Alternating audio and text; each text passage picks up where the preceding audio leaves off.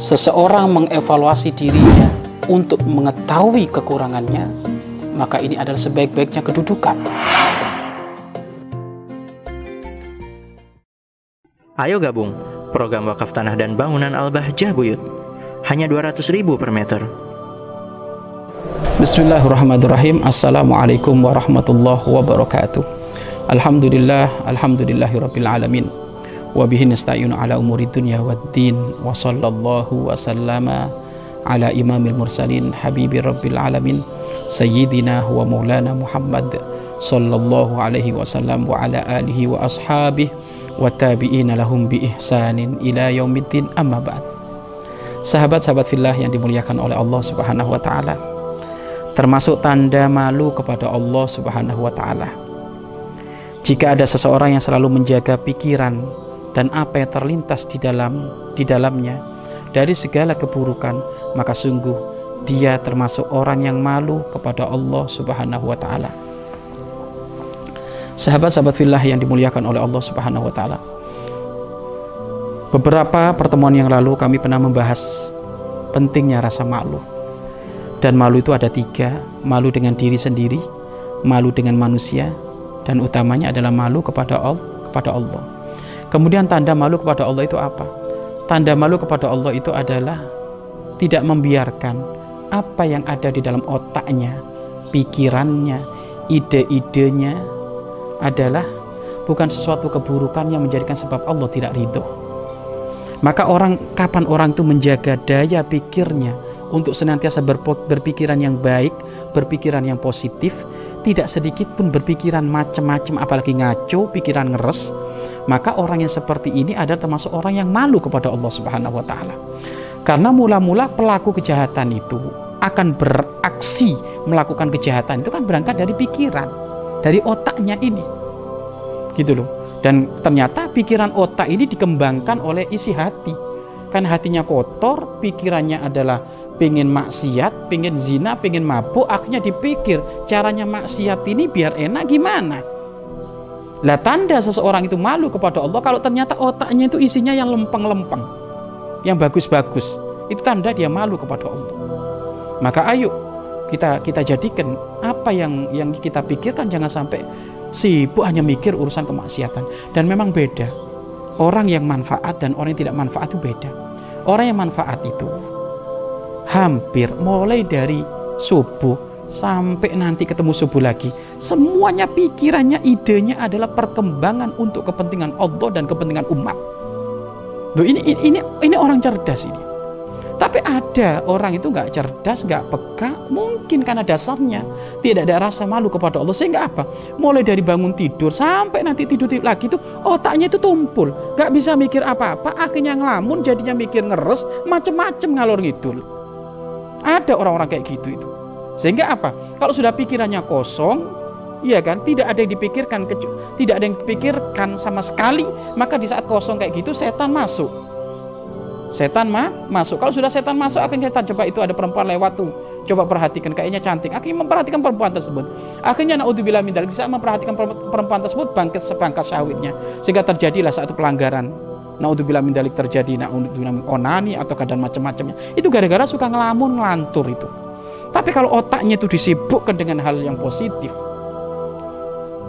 memikirkan hal-hal yang diridhoi oleh Allah, mulai dari perjuangan satu kelar perjuangan apalagi perjuangan apalagi perjuangan apalagi sampai nanti menghadap kepada Allah maka ia tidak sempat lagi pikirannya itu macam-macam. Dan momen kayak gini itu banyaknya itu menyeret anak-anak muda kami menemukan anak-anak muda itu memang daya pikirnya tidak tidak sehebat daya pikir orang yang sudah tua kalau orang sudah tua itu daya pikirnya sudah matang. Tapi masa muda itu kebanyakan daya pikirnya itu banyak daya pikir yang yang yang yang buntu karena banyaknya mungkin ngelamun, tidak mau mempercapaikan daya mikirnya sehingga pikirannya ngelamun. Akhirnya ya naudzubillah bil dalib ngelem. Iya kan? Ngelem, ngelem itu kan istilah istilah orang makan obat-obat terlarang tapi nggak punya duit lo ngelem itu kan gara-gara sumpek otaknya nggak berjalan nggak berkembang itu kalau nggak ngelem minum prostek wah ini kan macam-macam ini ngalor ngidul jadinya Kenapa? Karena memang nggak dibiasa diajak untuk berpikir berpikir maju. Sehingga apa? Kalau sudah kecanduan ngelem, kecanduan macam-macam, ia akan menjadi pribadi yang terpuruk. Harusnya masa muda, masa keemasan bagi dia, akhirnya masa muda, masa rongsok. Naudzubillah min dalik. Masa muda, masa masa masa masa rombeng, rongsok gitu. Nggak ada nilainya dia, dia di hadapan Allah. Di hadapan manusia nggak ada nilainya. Akhirnya semuanya orang kompak di kampung dia kompak, oh sampah masyarakat, sampah masyarakat, sampah masyarakat. Kenapa? Karena dia tidak punya kesibukan yang positif yang dilahirkan dari pemikiran yang bagus tersebut. Dan juga ini bisa jadi juga karena kurang adanya tuntunan. Kurang adanya tuntunan dan juga kurang adanya tontonan yang baik. Tuntunan-tontonan itu penting. Karena tuntunan itu adanya guru.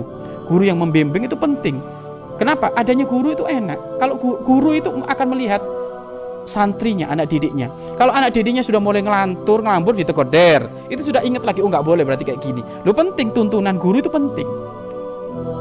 Kemudian selain tuntunan, tontonan, tontonannya apa?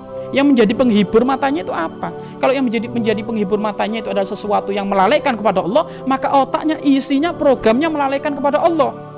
Tapi kalau tontonannya adalah hal-hal yang positif, hal-hal yang yang yang bagus, maka tentu isi otaknya adalah hal yang bagus.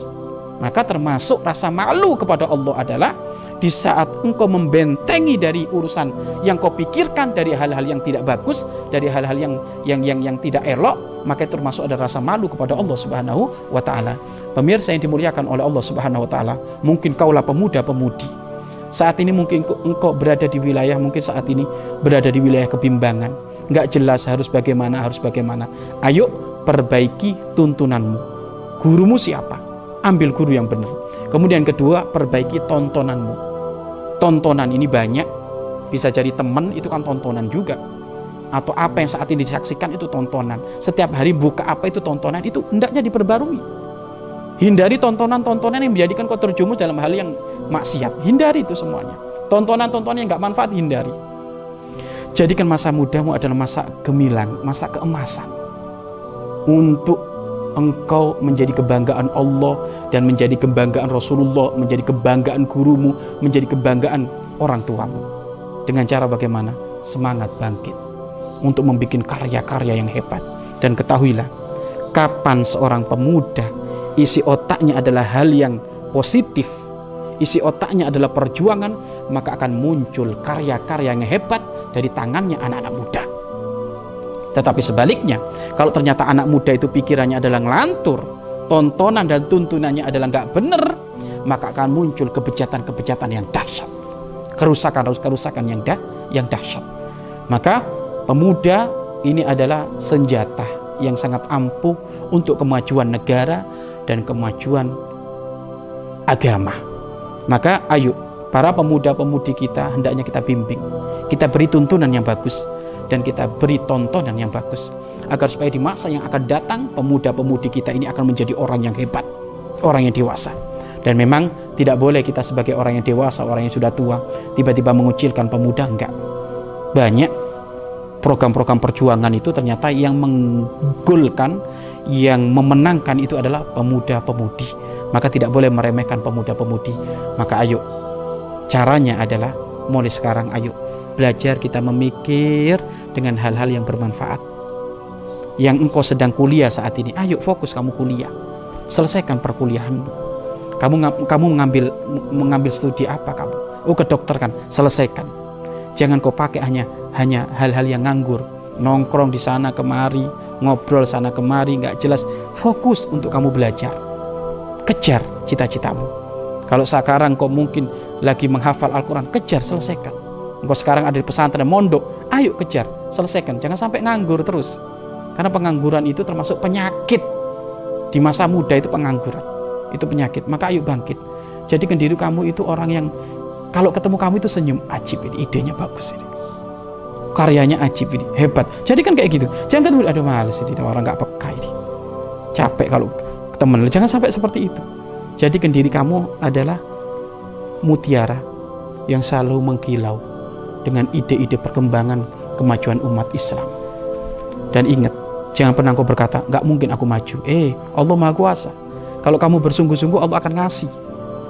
Tapi kalau kamu nggak bersungguh-sungguh, Allah tidak akan memberi. Maka bersungguh-sungguhlah engkau di dalam berjuang, di dalam bekerja, di dalam aktivitas bersungguh-sungguh, serius. Kapan orang yang serius akan dikasih oleh Allah keberuntungan. Mudah-mudahan kita semuanya senantiasa diberi oleh Allah rasa malu untuk agar supaya tidak mikir hal-hal yang macam-macam kecuali hal-hal yang bermanfaat, hal-hal yang bermutu dan hal-hal yang berkualitas. Wallahu a'lam bishawab. Mari berinfak untuk operasional lembaga pengembangan dakwah Bahjah Buyut.